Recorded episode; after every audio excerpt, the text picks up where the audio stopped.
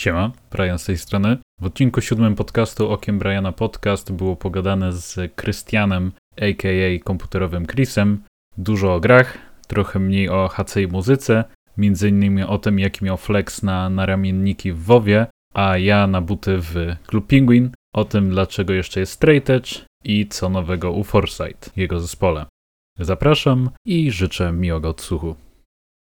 Cześć Krystian, powiedz, co się u ciebie dzieje? Cześć Brian, bardzo mi miło, że mnie zaprosiłeś, marzyłem o tym. Mm. No może bez przesady, no ale, ale zawsze lubię sobie pogadać, że jestem dość gadatliwy.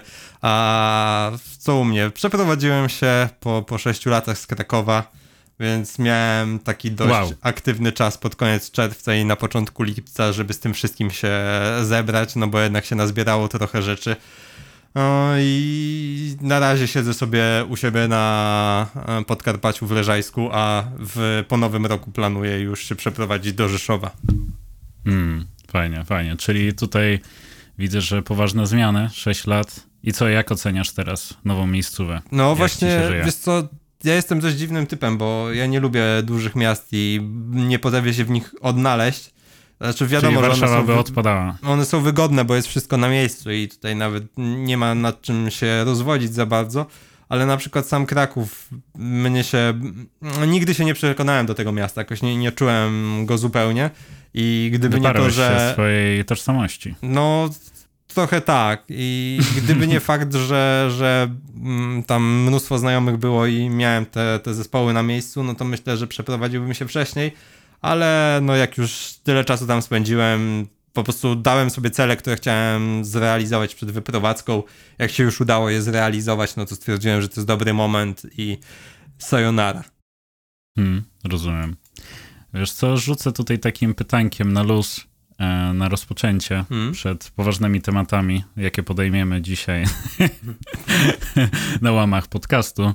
E, jest to pytanie, e, jedne, nie, to były dwa pytania od widzów, bo troszkę tak mm, słabo to zaplanowałem, bo w sumie nie wrzuciłem posta ogłaszającego ciebie na odcinku podcastu, ale nie zrobiłem to ze względu na to, że już mi się zdarzyła taka nieprzyjemna sytuacja, że ogłosiłem e, właśnie nowy odcinek, mhm. już było fajnie nagrywane, a potem przez dwa miesiące nie mogłem nagrać z, z, tą osobą tego podcastu i tylko się męczyłem po prostu i trzeba było usunąć ostatecznie post. Wiesz, więc... W ostateczności pewnie wyszłoby e, i tak, że byłyby dokładnie te same dwa pytania, które są teraz, więc nawet, nawet bym się nie, nie no, zaskoczył. Nie, nie, by, słuchaj, jesteś taką osobistością, słuchaj, że wydaje mi się, że tutaj na temat swojego życia prywatnego na pewno by się znalazł e, O chłopie, to jest bardzo dużo powiedziane, nawet nie wiedziałem, że jestem jakąkolwiek jakąkolwiek osobistością. Tak. Nie słuchaj, wiem, czy to traktować no... jako komplement, czy nie, ale będę, będę udawał, że tak. Dobra, jest to pytanie od Oli. E, pozdrawiam, Ole. Jaka jest twoja ulubiona zupa? E, ramen. I mógłbym jeść ramen. O Boże, anime. Też Naruto, ale, ale ja po prostu jestem Ej, zakochany w, w, tym, że można zrobić ramen, który udaje rosół i jest roślinny. I to jest najlepsze. Ten, mówisz o Naruto, a dzisiaj porządki robione, uskuteczniane były u mnie w chacie i znalazłem ten, opaskę Wioski Ukrytego Liścia. Może to e, wyślij ten... mi to w ramach prezentu urodzinowego. Ja ci napiszę później, kiedy mam i Nie. możesz mi wysłać. Słuchaj, ja mam tę opas- opaskę od podstawówki i ja tak się jarałem Naruto w podstawówce, że a mówiłeś... Czekaj.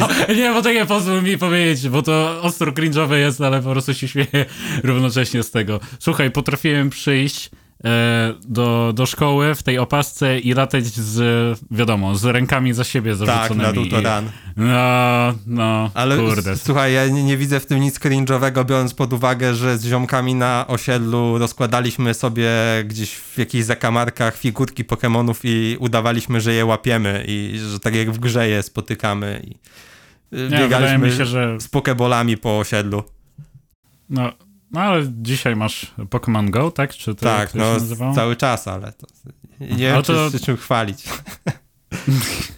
ale to co, to korzystasz z Pokémon Go, w sensie ja sobie zbierasz te tak, Pokémony, no, czy... wiesz, ja ogólnie tego nie ukrywam, że jestem wielkim fanem te, tej serii, bardzo, serii? bardzo mi się nadal dobrze, przyjemnie w to gra i to, to nie jest tak, że jakoś tam tryharduję i nie mam życia, tylko chodzę i łapię, ale jak na przykład biegnę gdzieś, no to jest właśnie bardzo fajne, bo, bo dodano taką opcję, która pozwala śledzić postępy nawet jak się jest niezalogowanym, E, I na przykład jak chodzę biegać, to mi się gdzieś tam w tle aplikacja uruchamia i mi się nabijają kroki, które są potrzebne tam do wykluwania boksów i takie tam, no po prostu czynności, które no. wykonuję podczas na przykład spacerów, no to naturalnie, że z czasu czasu sobie włączę i coś tam, jakąś aktywność zrobię.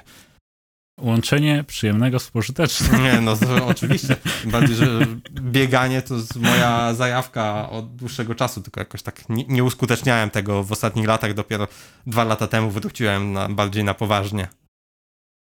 Ale to co, masz jakieś co, coś dla siebie, to bardziej to robisz? Znaczy to dla siebie robisz, czy planujesz jakieś tam maratony, Wiesz czy co? brać to udział w jakichś zawodach? Na, na, początku odbierałem to trochę jako formę tak, takiej autoterapii. To jest w ogóle, nie wiem czy, czy inni też tak mają, ale ja na przykład podczas biegania bardzo, bardzo się wyłączam całkowicie z życia i myślę tylko o tej trasie i to jest dla mnie takie na maksa terapeutyczne, bo właśnie nie myślę o niczym innym, tylko o tej trasie, o tym biegu.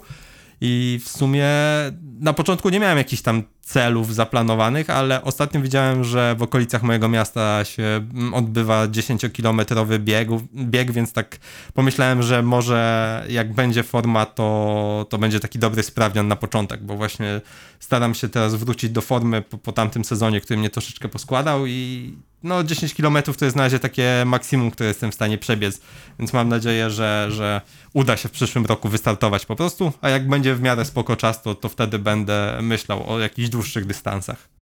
Mm. E, rozumiem, że masz ten, e, wiesz, hardcore zobowiązuje do butów drogich, ale do biegania Sorki, coś mi się też z głosem wydarzyło. ale ten, e, ten, ale no rozumiem, że masz te Nike tak za, za jednego kafla. No właśnie to jest jak w paście o biegaczach, że powinni zde zdelegalizować dla ludzi w tanich butach, ale niestety biegam w ranach starych Nike'ach, bo... O Jesus Christ! Ale one są super wygodne do biegania, naprawdę. Te buty, grałem w nich koncerty, bo były mega wygodne i stwierdziłem, że je, skoro tam skacząc jak małpa się nadawały, no to dlaczego do biegania mają być gorsze, więc tak pobiegałem trochę w tych, pobiegałem trochę w innych i stwierdziłem, że w tych roszach biega mi się super i tak zostało. No kurczę, te obuwie koncertowe, to właśnie się przekonałem o tym, że but trzeba dobre założyć na, na koncercie. To znaczy po, po ostatnim e, koncercie, to znaczy tak, ci, którzy nie wiedzą, e,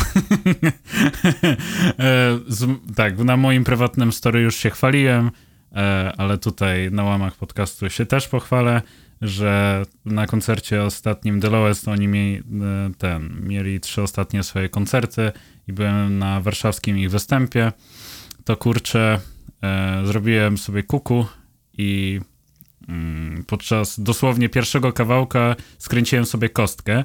A jak się to wydarzyło? Wydarzyło się to w taki sposób, że zrobiłem ala obrotowe kopnięcie w tył, tyle, że to nie było w żadną osobę, znaczy nie trafiło to w żadną osobę ani w powietrze, tylko prosto w, e, w filar e, pod sceną w hydrozagadce. Ale dzięki temu dostajesz oficjalnie odznakę Moszera. Tak, tak. No, powiedział Ratel X prezydent, że dostanę odznakę, więc to jest bardzo wysokie wyróżnienie i bardzo to doceniam. Jednakże, kurczę, no, no podczas pierwszego kawałka, no ludzie, no jeszcze jak podczas Death to the World czy coś, e, podczas solidnego breakdowna czy coś, a no, ale te, to było tak... A, no właśnie, i te obu, obuwie, bo minąłem się z tematem. No i ja miałem, kurczę, trampki z płaską podeszwą, a kurde jakby no, był... niedobrze. No, jakby był Air Max założony, tak, tak jak zawsze zakładałem swoje bitersy Air Maxy 95, e, to kurde może by pękła ta poduszka, a nie rozwaliłbym sobie kostki, więc w momencie, kiedy uderzyłem, to było tak... No, no poczułeś od razu. Takie, no, e, no, ups, no. Up, upsik. No i właśnie upsik. to jest kolejny argument, że na koncerty trzeba przychodzić w drogich sneakersach, najlepiej tak. amortyzujących wszystko. Tak, tak, no to prawda, ale nie, no, fashion before passion, takie jest moje zdanie. Ja nie wiem, kto wychodzi z takiego założenia, w ogóle ja się wdałem w dyskusję, dyskusję, znaczy oczywiście tam droczyłem się z typami na HC Forum, bo teraz to tylko same dziady siedzą na HC Forum, e, na, na tym, na Facebooku. Nie mówimy oczywiście e, o stronie, stronie tej oryginalnej, bo tam to na pewno same dinozaury, ale... Ty za młody jesteś stężenie... po prostu, żeby zrozumieć, jakie tam się no, cudowne rzeczy ej, działy. słuchaj, słuchaj, słuchaj. Słuchaj. Zamienia się słuch.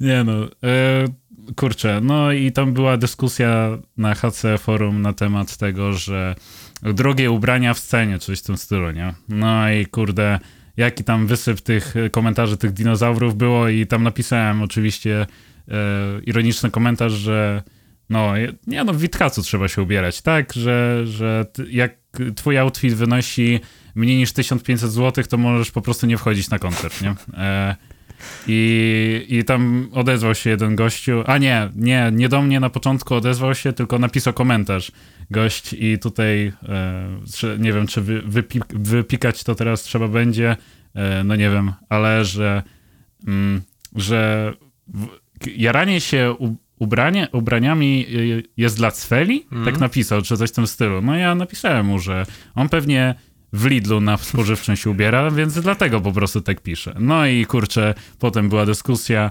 e, na 10 tysięcy komentarzy i przepychanie się słowne, co oczywiście dało mi wielką radochę, a na konie... A, i słuchaj, i słuchaj, i on mnie tak, słuchaj, tutaj taki pocisk rzucił, że powiedział, że ja tam widziałem na twoim podcaście, to ty, ty co najwyżej możesz lachę wciągać pod wichacem. No to no, kurczę, ultimate argument. No, no ja powiedziałem, że no dobra, nie będę cytował, co dalej było po prostu. O. Nie, ale HC Forum polecamy, znaczy, polecamy. Ja ogólnie... Jeśli chcecie wejść w cenę, to ten, te forum jest e, najlepszym sposobem. To, to był zaraz po poradniku z desantu druga najlepsza rzecz wprowadzająca w scenę, ale kolumna z desantu HC Survaur Vivre to, to była najlepsza rzecz, jaką przeczytałem gdzieś w okolicach 2011 roku. Nie, nie wiem, w którym dokładnie wyszedł Co? ten numer o, tego O czym ty mówisz? Jak, A, jak nie czytałeś, dobra. to ci kiedyś wrzucę screena z tego. Okay. Mam całą no, szufladę z zinów w szafie skitranych o, w sumie trochę. Fanatek zinów. To, to, też jest trochę mm, ciekawy temat, że niestety bardzo mało zinów wychodzi, bo nie ma komu tego robić. Dobrze, że Ignacy się zebrał. Pozdrawiam cię, Ignacy. I dobrze, że Robert za niedługo. Pozdrawiamy. Pozdrawiamy Momenta. I pozdrawiamy Ignacego. Ignacego. Tak, jest. Mo, e, tak, e, zapraszam tutaj autopromocja. Był odcineczek, będzie, e, nie wiem jak to, adnotacja, nie wiem, cokolwiek. Wyskoczy w prawym górnym rogu. Jak dokładnie, jak odnośnik. na YouTubie. Kliknijcie. Tak, prawym, tak, kliknijcie. Odcinaczek z Robertem był, polecam, fajny, fajny gość. E, tak. Ale właśnie w temacie podcastów miałem z kolegami rozmowę na ten temat, że teraz, żeby zacząć żyć z podcastów, to najlepiej zacząć go robić w momencie, gdy się jest już znanym człowiekiem, jak Paciorek który na YouTubie prowadzi te, ten swój podcast. Mówimy o Krzysztofie Paciorku, wokaliście e, jadu. Nie, nie chodzi mi o Paciora. ja wiem. Spokojnie. Nie, nie właśnie widzisz, właśnie dlatego e, boomerzy na HC Forum nie wyczuwają ironii. Ja jej nie wyczułem przez internet, a co dopiero przez, wiesz, Facebooka. No. Ale, no, ale ten, e, no nie wiem, czy można to nazwać podcastem Paciora, ale to, co robił no Pacior na live'ach na Instagramie, no to super rzecz. Co robił? Bo nie wiem. A, wiesz co, była rozmowa, e, prowadził rozmowy z ludźmi, znaczy tą, którą słuchałem, to akurat była rozmowa z Patrykiem z ITG, I robił to w formie live'a na, e, na, na Instagramie i właśnie żałuję, że trochę tego nie pociągnął w stronę właśnie podcastową. Ja bardzo kibicuję takim rzeczom w ogólnie w szeroko pojętej scenie, bo wydaje mi się, że skoro mamy XXI wiek, no to wyjdźmy poza ziny, które są oczywiście spokoj, nadal jak dinozaur bym je czytał i kupował, ale jak mamy możliwość, nie wiem, kupna mikrofonu czy czegokolwiek, no to czy prowadzenia kanałów na YouTubie, tak jak robi na przykład Wiktor z... Jak się nazywał Wiktora zespół Ojowy? Nie pamiętam, jak się nazywał jego zespół. O Boże, ee, Lazy Class? Tak, Lazy Class, dokładnie, bo A, ja Wiktora tak, cały czas tak. kojarzę z Wiktoria. Negative Vibes standardowo, no bo to jednak bliższe tak. mojemu sercu ale na przykład to, że zaczął prowadzić kanał na YouTubie, mega temu kibicuję i, i to są rzeczy, którymi się na maksa jaram właśnie. Wydaje mi się, że jak scena w ogóle miałaby się jakkolwiek rozwinąć, jakkolwiek wyjść do, do dzieciaków teraz, to to jest jedyna słuszna opcja. Ale po co wychodzić do dzieciaków, skoro... Żebyś, żeby Ignacy nie był najmłodszy za 10 lat. Słuchaj, to wszystko wymiera, nikt nie przyjdzie tutaj, e, na, nie, nie będzie nowej krwi. I właśnie dlatego ja zacząłem robić bity rapowe, bo jeszcze może kiedyś na tym się odkuję i będę milionerem. A, Będę robić ekipie bity. Albo teksty im Ekipie. będę pisał. kurde, w sumie, no w sumie, w sumie dobry pomysł. Ostatnio czytałem na jakimś peju, e, nie wiem, hip-hop nigdy stop, czy coś takiego. Mm. Ja oczywiście żartuję z nazwą tego peja, ale to, to, było, to był chyba Popkiller. E, właśnie rozmowa z BRO, którego ogólnie nie lubię, bo to zupełnie nie mój worek kleju, ale była rozmowa, że... że Co? co, Jak, jaki worek nie kleju? mój worek kleju, Wiesz- że nauczyłem się tego od chłopaków z Lublina. Tutaj chłopaków z Lublina też pozdrawiam, jak tam właśnie mieszkałem, to... No, pozdrawiamy chłopaków z Lublina. Tak, e, e, Okej. ekipę lu- lubelską. I pierwszy raz wtedy też to w życiu usłyszałem, ale jak usłyszałem, to tak przylgnęło i no, zostało do dzisiaj. Przejęło się. E, ściana, Dobra. Dziki Wschód. Nie, nie pamiętasz tego, ale no, Świdnik tam. To, to były dobre morświny. no, no, to były, to były czasy. Tak, teraz nie ma czasu. No ale wracając do sedna i przeczytałem tam taki komentarz, że chłop się sprzedał właśnie, bo pisze teksty ekipie, ale z drugiej strony, jak ja bym miał napisać komuś tekst i zgarnąć za to 50 tysięcy, to nawet bym się dwa razy nie zastanawiał. 50 tysięcy? No podejrzewam, że o takich pieniądzach mówimy tam, nie? Nie, no wydaje mi się, że aż tak nie. No w sensie- może, może mocno przes przesa- Nie, no kilka kafla bym pewnie, pewnie szacowałbym. No ale mimo 50 wszystko to raczej są tysiące, a nie setki, nie? Złotych. Więc no to jest po prostu dobre siano i, i człowiekowi, który nigdy nie będzie jakoś tam powiedzmy pierwszą ligą, który ma tam jakiś swój fanbase stały wśród dzieciaków 16-letnich, no to w sumie mu się nie dziwię, że jak ma opcję zarobienia dodatkowego siana, to że robi to w taki sposób, zamiast iść i pracować, nie wiem, w korpo, w jakimś shellu czy w czymkolwiek innym. Znaczy, to też nie tak, że jakakolwiek praca jest gorsza, tylko no jednak fajniej byłoby pisać teksty za tysiące złotych niż klepać tabelki w Excelu za trzy koła miesięcznie, nie? Słuchaj, przecież e, praca w korpo to jest najbardziej bankowa rzecz, e, którą można robić. To Ale tylko jak jest e, outfit, outfit semi-casual. tak? Tak. A co w przypadku, kiedy jest. No ja na przykład cały czas siedzę w gaciach od piżamy. No, nie, no ja. Znaczy, jak jest 34 stopnie na dworze, to wtedy tak, gacie, ale tak to zawsze. Nie, praca, praca zdalna to jest najlepsza rzecz, jaka się przytrafiła ludzkości i dobrze, że pandemia skłoniła pracodawców do robienia tego. To jest... Nigdy w życiu nie chcę wracać do biura. Mam nadzieję, że jak będzie słuchać to, tego ktoś z mojej pracy, to że będą wiedzieć. Mm. Nie, no, ja też pracuję zdalnie, więc no, w przypadku właśnie mojej kontuzji, no to to jest ultra, ultra pomocne. No, No, nie wiem, dokładnie. Nie mógł czytać miał- i tak dalej. No, kurde, z tymi kulami się tłuc w komunikacji miejskiej, ja też nie, nie jestem wprawiony w używaniu kul, bo no, pierwszy raz to jest moja poważniejsza w ogóle kontuzja w życiu i to jest najpoważniejsza kontuzja koncertowa chyba. E, no, więc XD. No, współczuję. Ja największą, jaką miałem, to chyba przetrącony nos, ale poza krwawieniem, jakimś tam opuchnięciem nie było nic większego. O, przetrącony nos. E, Tak. Poz... Znaczy i tak, i tak pewnie tego nie odsłucha e, Jorba, ale pozdrawiam Jorbę z Realm of Torment, który właśnie mi e, rozkwasił nos w Wrocławiu. Kurde, dobre. Na secie Cruelty, Cruelty też pozdrawiam. E, mam nadzieję, znaczy i tak nie odsłuchacie, nie usłuchają tego, ale... Ale możesz e, z dziękim puścić, ale- że, że pozdrowiłeś. wspomniałem, tak, wspomniałem. A, przesłuchajcie właśnie nowej nagrywki Cruelty. Zajebista jest ta e, nagrywka i teraz, kurde, wstyd mi, że nie pamiętam nazwy tego albumu, ale konkretne, konkretne granie, znaczy taki, to jest taki w większości e, dobra, dobra, ładuje mi się Spotify, oczywiście 10 tysięcy lat, e, dobra, Ta Już, ostatnia już. płyta, o ile się nie mylę, to było coś There is no God, Tak, Tak. tak, tak, tak, tak, coś, coś. Where to- I am, no, no. coś takiego. Tak, dokładnie, dokładnie, dokładnie, tak. There is no God where I am. E, bardzo dobra płytka. Wiem, bo wiesz co, ja muzykę odkładam sobie w zakładce w Odkładanie przeglądarce i zawsze tam mam po prostu 10 różnych bandcampów do zespołów, które miałem przesłuchać, bo ktoś mi podesłał, a nie zdążyłem tego zrobić, bo po raz setny słucham tego samego kawałka, nie wiem, molesty czy, czy czegoś. Chociaż molesta to jest teraz w dobie szczepień i segregacji drażliwy temat.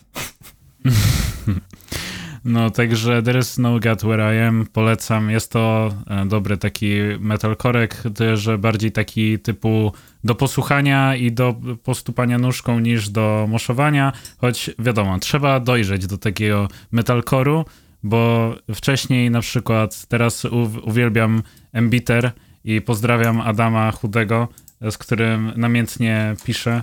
E, Wysyłacie ostatnio. sobie nowe metalkorowe nagryweczki. Tak, Czy oczywiście. Flames of Betrayal było już słuchane? Nie, nie, tak naprawdę sprowadza się do tego, e, czy Archangel najlepsze, tak. Tak. I to jest. To znaczy, Tak. zależy jak traktujemy kickback, bo jeżeli kickback traktujemy jako metalcore, to kickback najlepszy. Nie, no nie, no. To znaczy. Archangel, Archangel ma brzmienie bardziej takie slayerowo-metalowe bardziej, a Kickback to bardziej, no hardcore. No bardziej tak, hardcore. jestem w stanie Bardziej taki zgodzić. Zmetalizowany, metalik ale hardcore. hardcore. Tak, hardcore. No, ale kickback więc- też oczywiście umoczony, więc... No najlepiej, takie zespoły są najlepsze. No przecież ten. E, znaczy oczywiście to, to, to jeszcze czasy before internet, tak? Hmm. Before YouTube, e, ale z tego co słyszałem to też tam e, chyba ten Baldur, właśnie wokalista Archangel. Oczywiście teraz e, buźka, buźka, Mhm. nie obrażajcie się Archangelowcy, dawajcie mi e, darmowe wejściówki na koncerty, cokolwiek, ale ten, by- była jakaś plota, że on był przemocowcem i ten, przem, przemocy używał swojej, wobec swojej e, tej partnerki i potem nawet ta partnerka stała się jakąś znaną osobą w telewizji i potem był z nią wywiad i ona opowiadała o swoim poprzednim związku, że właśnie był taki e, abusive relationship, właśnie taki przemocowy związek i to właśnie takie połączyli kropki, ale to było z 50 tysięcy lat temu, więc No, jest- i tak nikt nie pamięta, No więc właśnie, e, powiem można ci słuchać. szczerze, że pierwszy raz o tym słyszę, ale znając dokonania Archangel w kontekście jakiejś tam kontrowersyjności jestem w stanie w to uwierzyć. I oczywiście, no to jest trudny temat, jeżeli tak było, ale cała ta tam, no scena z tamtych późnych lat 90., no to było mnóstwo dziwnych typów się tam przewinęło, Mm. nie? Show No kickback, koncerty z prostytutkami i tak dalej, i tak dalej. No nie, no, ej nie, kurde. Chciałbym w czymś takim uczestniczyć. Te, te zdjęcia właśnie z tego klubu GoGo z naćpanem, e, naćpanem tym, z, e, Stefanem Beżakiem, e, więc No wspaniałe. zresztą e, Stefan kopiący ludzi pod sceną to też. Nie, kurde, ale taka interakcja z publicznością to jest najlepsza interakcja. No ja właśnie dlatego, znaczy dobra, nie dlatego, no Kickback to ogólnie tam się muzycznie wszystko zgadzało, ale to, był zespół, który w jakiś sposób przełamał te, te granice i było to coś wow. Ja jak wiesz, pierwszy raz usłyszałem Kickbacka i sobie wygooglowałem jak wyglądały ich koncerty na żywo, to po słuchaniu przez ileś tam lat e, raczej tej jasnej strony hardcora było to dla mnie wielkim szokiem, że takie zespoły istnieją i że tak w ogóle można grać i się zachowywać na tej scenie. To było dla mnie takie wow. No, najlepsze to i tak e, ten. No umówmy się, no on też, to jest jakaś tam konwencja, której oni się trzymali i no, też nie można tego traktować, że, że jest to w jaki, jakikolwiek sposób dopuszczalne, bo no mnóstwo tam krzywych akcji było. Nie, nie ma nawet za bardzo nad czym dyskutować i to już pomijając żarty, żarciki, no, mnóstwo kwasu tam było za nimi. Słuchaj, no przecież Kickback najbardziej e, most Znienawidzony. hated, most hated negative e, hardcore, tak? I strzelanie ręcznikiem pulpeta w e, ten, w Stefana na koncercie Tak. w Bydgoszczy. No, Legendarny. Ale, ale no, no, co zrobię, no lubię, to jest muzycznie, klimatem i tak dalej najlepszy zespół, jaki powstał w ogóle na scenie hardcore punk. Nie no, nie, nie mów punk, hardcore. No, Tylko hardcore. E, Ja e, tam- Debata, debata hardcore punk czy hardcore ukośnik hardcore? Stary, to jest, to już wspominaliśmy o tym Forum, ale to, to jest tak mocno 2011, jak był pamiętny temat, czy hardcore to, to punk. No wiadomo, że nie punk, bo trzeba się dobrze ubrać Nie, ja koncert. właśnie widziałem, tam ktoś wrzucił wtedy e, taką, taką rozpiskę, że e, jeżeli masz mm, dezodorant, nie, jeżeli się nie myjesz to punk, jeżeli dezodorant to hardcore punk, a jeżeli dezodorant plus perfuma to hardcore, nie? A, Więc i tak, tak samo okej. było rozpisane z butami. Jeżeli trampki to punk, jeżeli wansy to hardcore punk, jeżeli kiksy to hardcore.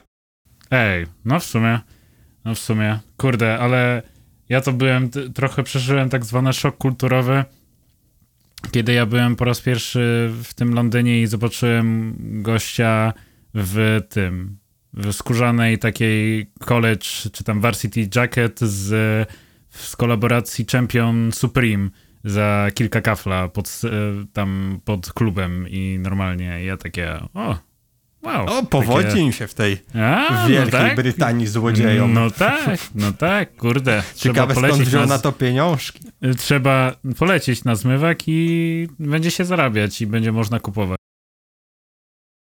Dlatego najlepiej jest kupować koszulki zespołów kolegów i bluzy zespołów kolegów, bo wtedy przynajmniej jesteś prawdziwy i nie wydajesz miliona monet. Nie, zliczyłem sobie ostatnio ile mam koszulek i w sumie wszystkie regularnie noszę, ale tam może to nie jest jakaś tam powalająca liczba tych e, koszulek, ale tam nie wiem, z około 40 ich mam. Z tego część jest taka po prostu już zużyte, to są koszulki tylko do wysiłku fizycznego są przeznaczone. Ale wiesz, trzymaj je, to za 20 lat Krzysiek Kobiesa wrzuci je na swojego Instagrama. Pozdrawiam Krzyśka, to jest kolejna super inicjatywa, którą propsuję. No pozdrawiamy, pozdrawiamy Krzyśka. E, ja, kurde, mam jedną taką rare koszulkę, ten e, niesławnego Surfitude w O, kolorze... chłopie, pchasz się coraz mocniej w Grauzon. E, tak, w kolorze baby blue i z takim przepięknym, przepiękną graficzką, oczywiście jakieś rycinki tam, wiadomo.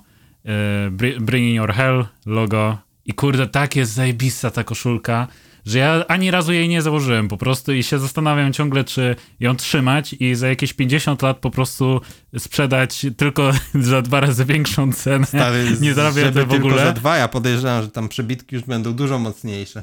Jeżeli jeszcze ktokolwiek, właśnie po to są dzieciaki na scenie potrzebne, żeby ktoś mógł to kupić za 20 lat. Kurde. Mi opowiadał ten, jak jeszcze miałem kontakt z tym e, Jamesem, właśnie z e, ex-wokalista Surfitude, Mm. to on opowiadał, że, em, że jakiś, jakiś dzieciak e, się śmiał właśnie z e, Ameryczki, e, kupił jego koszulkę Archangel, który miał, którą miał tam założoną chyba z jakimiś dziurkami na tym Up, nie, nie Upstart, tylko w, na Outbreak Festie e, kupił za 500 zł? Coś O takiego, kurde. ja sobie...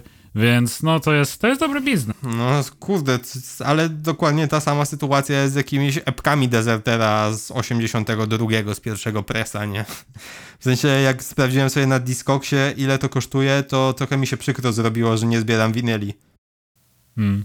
Nie no, digital najlepsze, wiadomo, przecież. Znaczy, nie no, fajnie jest trzymać to na półce, no jest, jest No. klimat, ale O, najpierw to trzeba mieć swoje mieszkanie, żeby to trzymać na półce i było fajnie.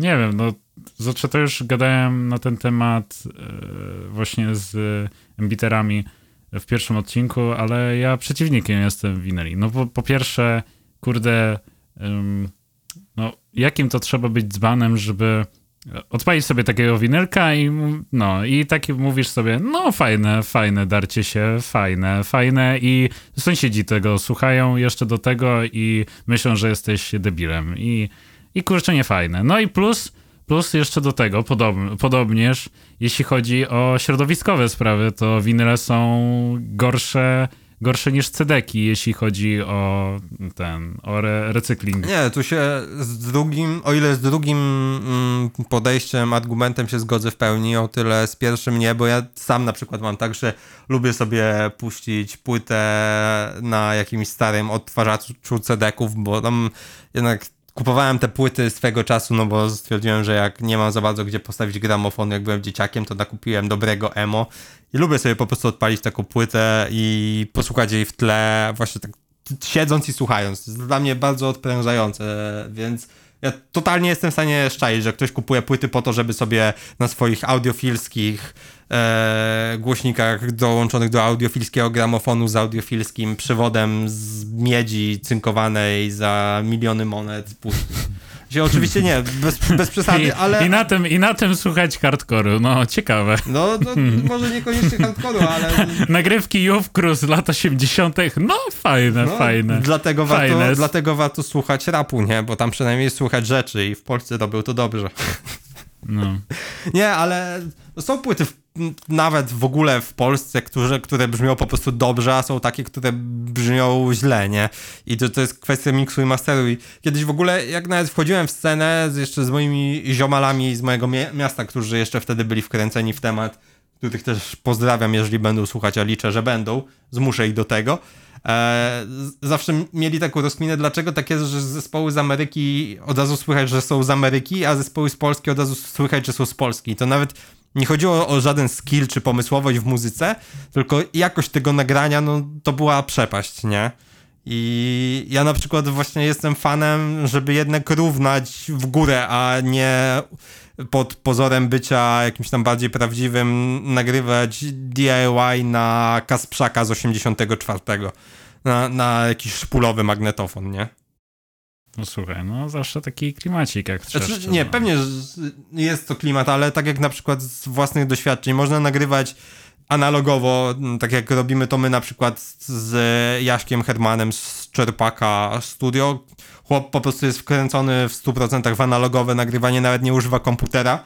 I o ile jest to momentami dość męczące, bo trzeba wszystkie ścieżki poprawiać, czasem nie wiemy, w którym momencie trzeba wejść, ale Używa jednak klimat w jakiś taki- sposób to, to zachowuje. Tego magnetofonu dla dzieci, tego plastikowego i nagrywa po prostu tego. No dokładnie. No ale tak nie, właśnie ale. Jasiek jest super gości, jeżeli chodzi o nagrywanie, właśnie cierpliwość do zespołów. No i też wydaje mi się, że sam fakt tego, jak brzmi Stay Nowhere, e, pierwszy longplay, który on właśnie nagrywał, no to jest dla mnie jakiś taki wyznacznik tego, że da się po prostu bardzo dobrze brzmiącą płytę nagrać takimi analogowymi metodami w pełni. Oczywiście to też jest kwestia miksu, masteru, bo, bo jak ktoś zna się na robocie, to wyciągnie z tego bardzo, bardzo dużo ale no to, jest po prostu bardzo dobra płyta, jest dobrze nagrana i z gówna bicza nie ukręcisz. Jakby to było już tak u podstaw źle nagrane, no to z mix by nie pomógł. Mm. Mhm. Dobra, to zejdźmy może od tematu tego cringe'owego, czyli hardcore'u e, i przejdźmy do najbardziej epickiego tematu czadowego, czyli gierki. Nareszcie. powiedz mi...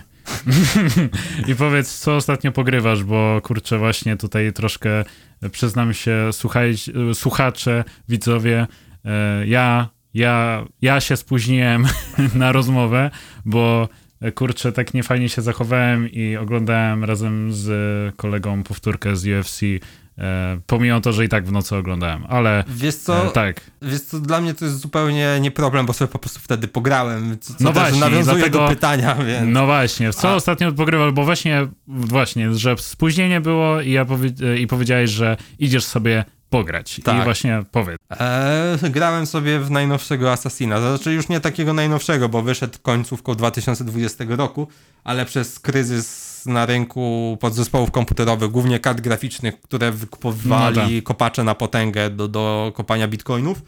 E, Na moim starym kompie już mało co mi działało, więc czekałem po prostu aż się ceny w miarę z, z unormalizują, znormalizują i będę mógł złożyć nowego peceta.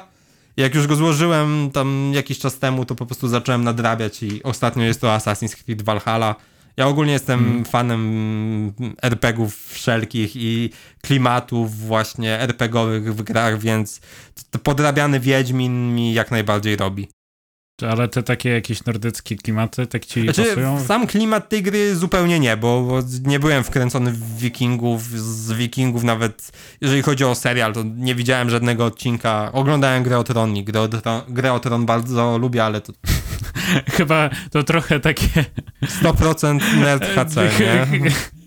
Nie, chyba trochę takie y, teraz, o Boże, teraz pinglish, ponglish, y, trochę takie mocking dla, nie wiem, mitologii jakiejś nordyckiej, porównywanie do gry od... Nie, no pewnie, ja tak mówię, że właśnie dlatego klimat jakiś powiedzmy nordycki e, zupełnie mi nie robi, ale właśnie sam fakt te, tej otwartości świata, eksploracji, jakichś tam dylematów moralnych, które w tych RPGach są teraz na porządku dziennym, to jest 100% coś, czego oczekuję od gry i właśnie ja nigdy nie grałem w grę dla gameplayu, tylko grałem w grę dla fabuły i dla jakichś tam rozwiązań, które za tą fabułą stoją i to zawsze robiło mi najbardziej. Dlatego właśnie jestem fanem tych oldschoolowych RPGów, nie?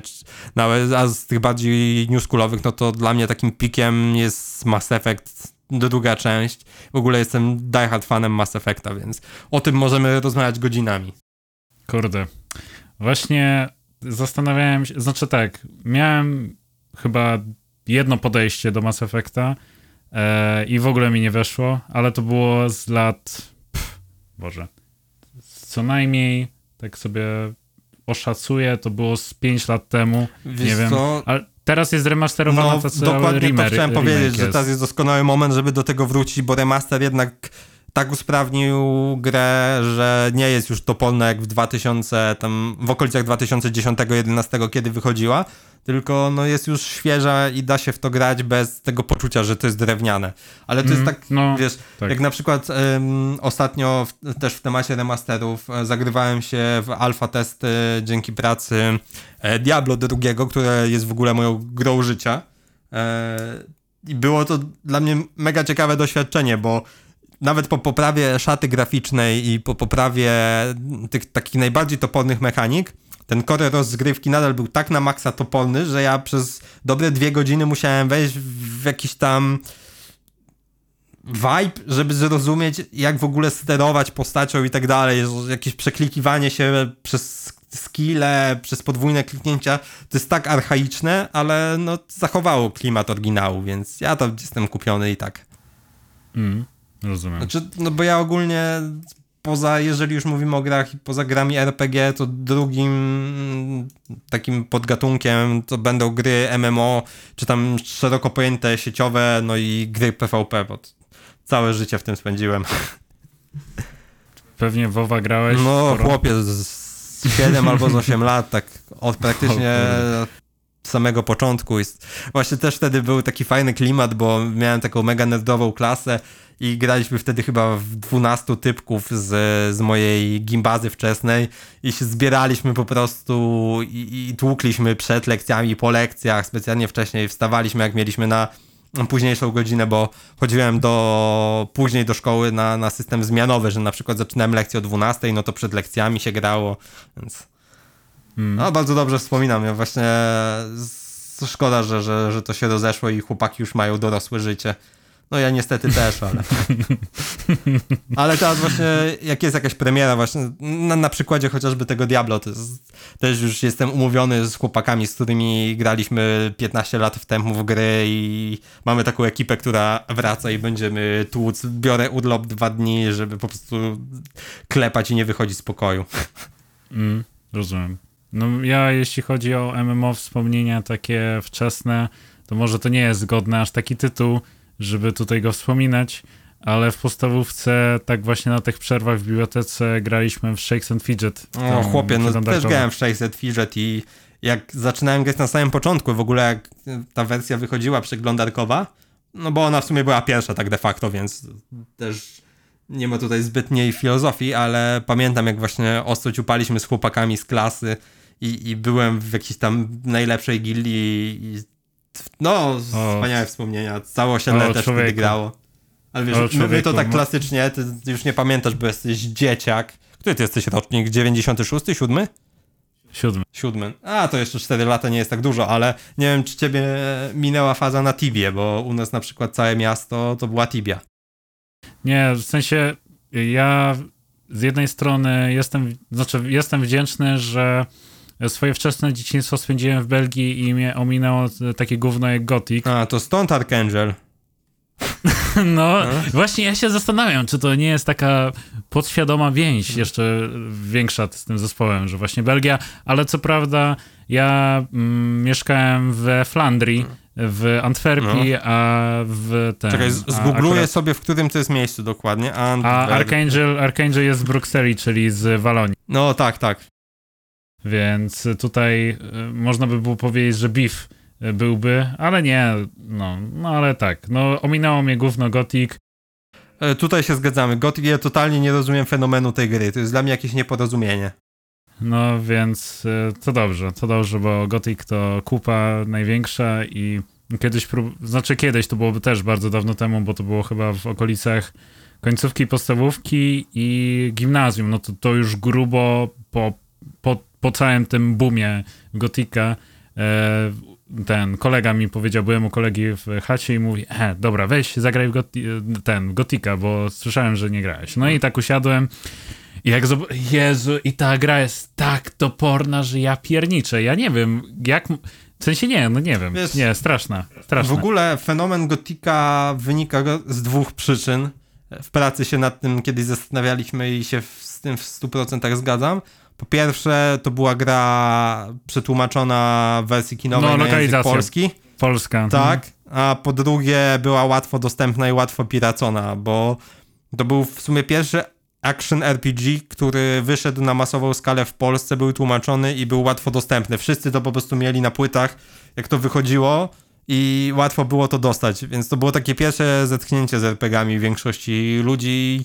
Ten status kultowości wcale mnie nie dziwi. Ja na przykład właśnie wtedy wolałem nomen omen, nawiązując znowu do Archangela Baldur's Gate'a. Kiedyś miałem w ogóle rozkminę, czy, czy, typ, czy jego imię nie wzięło się w ogóle z zajawki Baldurem, ale no niestety się rozczarowałem. Zapytam się. E, I Zapytam się. Wiesz, dla mnie Gothic nigdy nie był w jakikolwiek sposób ciekawy. To była toporna gra, ale rozumiem skąd się wzięła fascynacja na polskim rynku akurat Gothiciem. To jest, wiesz, jest mnóstwo gier kultowych, które były kultowe w Polsce ze względu właśnie na, na sytuację geopolityczną. Tak jak w jakim innym kraju poza Polską grało się tak nałogowo w Deluxe Sky Jumping, na pewno pamiętasz. My nawet Oj, mieliśmy nie, jakieś nie, turnieje, pierwszy esport, jaki w ogóle w życiu przeżyłem to były turnieje właśnie w Deluxa na informatyce i gość od informatyki organizował zawody klasa na klasę, braliśmy czterech typów i skakaliśmy po prostu w Deluxie. No, A jakie tak, masz że... takie pierwsze, takie rzeczywiście pierwsze wspomnienia z graniem, takie pierwsza, pierwsza gra, w którą tak naprawdę zagrałeś? Pierwsza, pierwsza ever? Mhm. No to raczej to chyba będzie to Mario, bo jak tak teraz pomyślę, wiadomo, standardowo, u nas nie było Famicoma, Famicona, bo, bo mieliśmy Pegasusy piracone. Nie wiem, czy, czy ciebie to ominęło, czy też miałeś? Nie, w sensie ja też chciałem powiedzieć o swoich pierwszych wspomnieniach, ale to potem, to najpierw ty. To właśnie, to, to był ten moment, gdy jeszcze nikogo w Polsce nie było stać na oryginalną konsolę Nintendo, no tak. więc wszyscy kupowali podrobioną, czyli Pegasusa, która była dostępna na każdym bazarze w każdym małym mieście. No i oczywiście kupowało się te dyskietki, na której zawsze e, stokowo było napisane 999 miliardów gier, a Ta. w ostateczności były to trzy te same gry, tylko że zaczynały się od innego momentu albo z inną postacią. Dokładnie. I no tak, pierwszą grą, jaką w życiu odpaliłem na Pegasusie, to było Mario standardowo, bo, bo Pegasus w komplecie z Mario był Mario było dodawane w komplecie z Pegasusem i to była na bank pierwsza gra, w którą w życiu zagrałem, a później była taka gra e, piłkarska, zupełnie nie pamiętam jej nazwy, no bo to też te nazwy były jakoś bootlegowo tłumaczone. I... O Boże, nie, teraz mi się przypomniał ten mem, o nie, który też żeś zrobił. Ronaldinho, Socer. Tyry, ty, ty. Nie znasz tego, poczekaj, ja muszę ci podesłać. Musisz mi podesłać, ale twój śmiech mnie rozbawił i słowo Ronaldinho wypowiedziane tym akcentem. Ronaldinho, Socer. To jest jak, jakaś ta, też właśnie te, jakiś reskin gierki ten, piłkarskiej. Poczekaj, ja nie wiem, mu, musisz to teraz zobaczyć. Czekaj, ja muszę sobie wygooglować, jak się ta gra na, nazywała. Pegasus e, Football Game. Cyk. Muszę sobie odsłuchać i się zaśmiać i potem tobie. Dobra, już wiem, ta gra nazywała się Gol 3. Poczekaj, poczekaj. Nie było to zbyt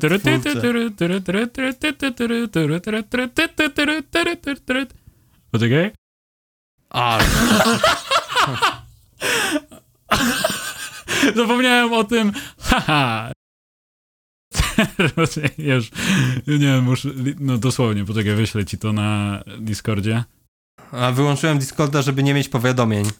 Kurde, najgorzej. Ale później zobaczę, Ale... spokojnie. To, co ci podesłałem tego screena, to jest właśnie ten Gold 3 i to była druga gra, w którą w życiu grałem, a trzecia to było cirkus coś tam, że grało się jakimś klaunem i się pokonywało trasy, jakieś przeszkody cyrkowe. I to były na, na 100% trzy gry pierwsze, w jakie w życiu zagrałem. Później już hmm. oczywiście, jak się tych dyskietek kupowało, jakieś tam mm, Power Rangersowskie, bootlegi, jakieś inne takie zbutlegowane tytuły, no wtedy no cały w sumie kraj stał tymi bootlegami, mało która dyskietka była oryginalna, nie? Więc... Ale tak, to były na pewno pierwsze gry, w jakie w życiu zagrałem. A w PC-tową, jaką w życiu pierwszym, pierwszą zagrałem, e, to była FIFA 99 u mojego wujka, a na moim własnym kompie to były Heroesy 3. I do, do dzisiaj kult. Jak powiesz, że nie czaisz fenomenu, no to się rozłączę. e, no, słuchaj. Słuchaj. No, no jesteś za młody crazy. po prostu, nie? That's crazy. That's crazy. Nie, co... stary, wiesz jak, jakie wrażenie dobiła ta gra w 2001-2002 roku? To jest że gra strategiczna, tak rozbudowana, w ogóle jaki tam soundtrack był. Jestem diehard fanem soundtracków z niektórych gier, właśnie na przykład Diablo i Mass Effect wymienione, to są gry, które mają tak wybitne soundtracki, że ja słucham ich sobie po prostu, bo lubię. A hmm. tak samo właśnie Heroes miał kilka takich takich utworów, bo to już nie są piosenki, że ciary do dzisiaj. Ja, jeśli chodzi o soundtracki, ale dobra, jeszcze, znaczy tak, tutaj ta, da, dam tylko taką informację na temat tych soundtracków, ale jeden taki kawałek z Ruinera e, mi się podoba strasznie. E, e, kojarzysz Ruiner, tą polską grę taką, e, Boże, cyberpunkową? Grę znaczy kojarzę, ale grać nie grałem.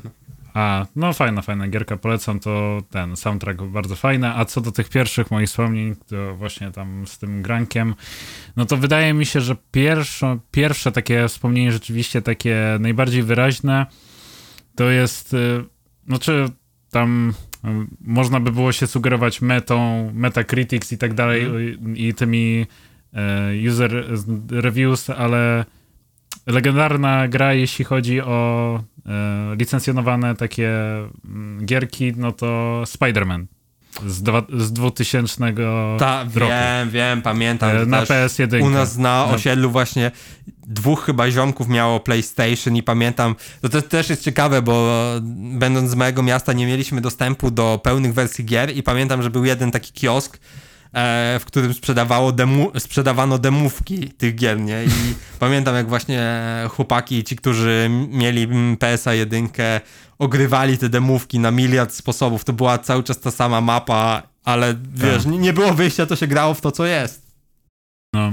Nie, no Spider-Man, Spider-Man to, no, to też klasyka, kultowa gra. To jest super, super, super. Ale ogólnie... Cieszę się, że moja mama nie patrzyła na ten PEGI system i po prostu mi kupiła, kiedy miałem, A, nie wiem... To też jest bardzo ciekawe, 5, bo... 5-6 lat czy 7. Wiesz co, ja miałem takie dość spore może nie poczucie moralności, bo to za dużo powiedziane w tym, w tym kontekście, ale kiedyś kupiłem Mortal Kombat, nie patrząc jakie to ma PEGI, miałem wtedy z 8 z 9 lat a zobaczyłem, że tam jest PEGI 16, więc odniosłem grę do sklepu i chciałem wymienić na inną, bo się obsrałem, że, że przyjadą Policja bagiety i mnie złapie. zamkną. Nie? No policja złapie po prostu i powie, no dobra, no to kupiłeś sobie Mortal Kombat e, dla 16, 16+, plus, no to ci jeszcze konsolę. No właśnie, kurde, dobrze zrobiłem, bo, bo bijatyki to Tak by było. padaka. No, tak właśnie. A wtedy pamiętam, że zamieniłem to na któregoś z Raymanów, a Rayman akurat zawsze był spoko, więc nie żałuję tej zmiany. Tak, Ray, Ray, Raymana też właśnie, tego chyba pierwszego, pierwszego też mam na PS-a. Do tej pory trzymam tego PS-a jedynkę w wersji Stary, Slim. wiesz ile to kiedyś będzie warte? To, to, to, to są No, gemy, tak samo jak Game Boye, które są teraz sprzedawane za chore pieniądze. No. I właśnie, Ja pamię no Game Boy to pamiętam jest mo- jeszcze moja przerwę trauma. ci, co do PS-a, to chyba so, Sony wydawał mm, PS-a jedynkę tylko w wersji z tym, tymi jakby właśnie, że te 999 gier w jednym i po prostu wbudowane w konsolę było, Tak, ta tak, mini tak, tak. wersja. Coś takiego wydawali, ale potem tam skrakowali i jakoś tam prze, udało się przerobić i w cokolwiek. No, to jest w- w ogóle Polacy, cały wschód, cały, cały ten biedniejszy wschodni blok, no stał bootlegami, krakami, tymi dyskietkami, które krakowały później konsole. Też y, pamiętam jak PlayStation 3 kupowało się już właśnie od razu w sklepie e, skrakowane, albo tak jak na przykład ja kupowałem pierwszego kompa, oczywiście Windows e, na pewno nie był wtedy oryginalny i z automatu miałem na, na dysku z 30 różnych filmów, milion piosenek i ze 30 gier zainstalowanych, nie? Jakichś właśnie Heroesów, Airfixów, nie wiem czy pamiętasz Airfixa, też w to się zagrywaliśmy na, na Nie, informatyce. nie, nie. To jest nie, Airfixa. taka... To jest taki tunkar tylko, że z samolotami, że po prostu grało się takimi zabawkowymi samolotami i to była Nie, nie, pierwsza nie, gra nie właśnie wiem. sieciowa, w którą graliśmy tak namiętnie na informatyce, bo wtedy jedyny internet był na, na lekcjach informatyki, więc po lanie wszyscy tłukliśmy. Nie, nie, nie, jednak nie. No, mówię, wiesz, to też bierz pod uwagę, że jak ja jestem z mojego miasta, będąc z mojego miasta mieliśmy dostęp do, do szeroko pojętej technologii, choć to zabrzmi tak górnolotnie, ale trochę tak jest, dość późno i tak jak na przykład z Game Boyem powiedziałem, że to moja trauma i praktycznie nikt nie miał Game, Game Boya, było dwóch typów w całej szkole i po prostu zbieraliśmy się w 20, staliśmy i oglądaliśmy jak oni grają w Pokémony, nie? I nie było nas po prostu stać na, na tego Game no, Boya. Nie. No nie, najgorzej. To teraz powiedz bezapelacyjnie najlepsza gra, w którą grałeś. O, chłopie, trudne pytanie. No, chyba Diablo 2 to tak. Diablo 2. Chyba tak. No to jest. Są trzy gry, w których spędziłem. No to nawet nie są tysiące godzin, to są dziesiątki tysięcy godzin.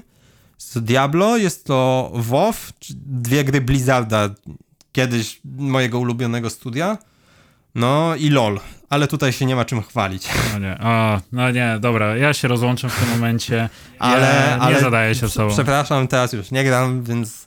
Ale no, tak no, biorąc pod nie. uwagę całokształt i fan, jaki mi dana produkcja sprawiła, no to będzie albo Diablo, albo WoW, no bo tak jakby specyfika gier sieciowych jest taka, że one przez ciągły rozwój i ciągłe dodawanie kontentu są cały czas ciekawe. A ja zawsze miałem taką niezdrową chęć rywalizacji grając w gry i zawsze w konkretnych grach chciałem być najlepszy. I właśnie takie gry sieciowe są do tego doskonałe. I na przykład WoW to było moje pierwsze zetknięcie z PvP i my to tak ostro graliśmy my, te, te, te właśnie mecze arenowe. Miałem taką stałą, stałą ekipę mojego przyjaciela Igora i mojego zioma Krzyżka i po prostu właśnie tak jak opowiadałem, że zaczynaliśmy przed szkołą, to tam trenowaliśmy, buildy ogarnialiśmy i po prostu cały czas ciupanie tego PvP.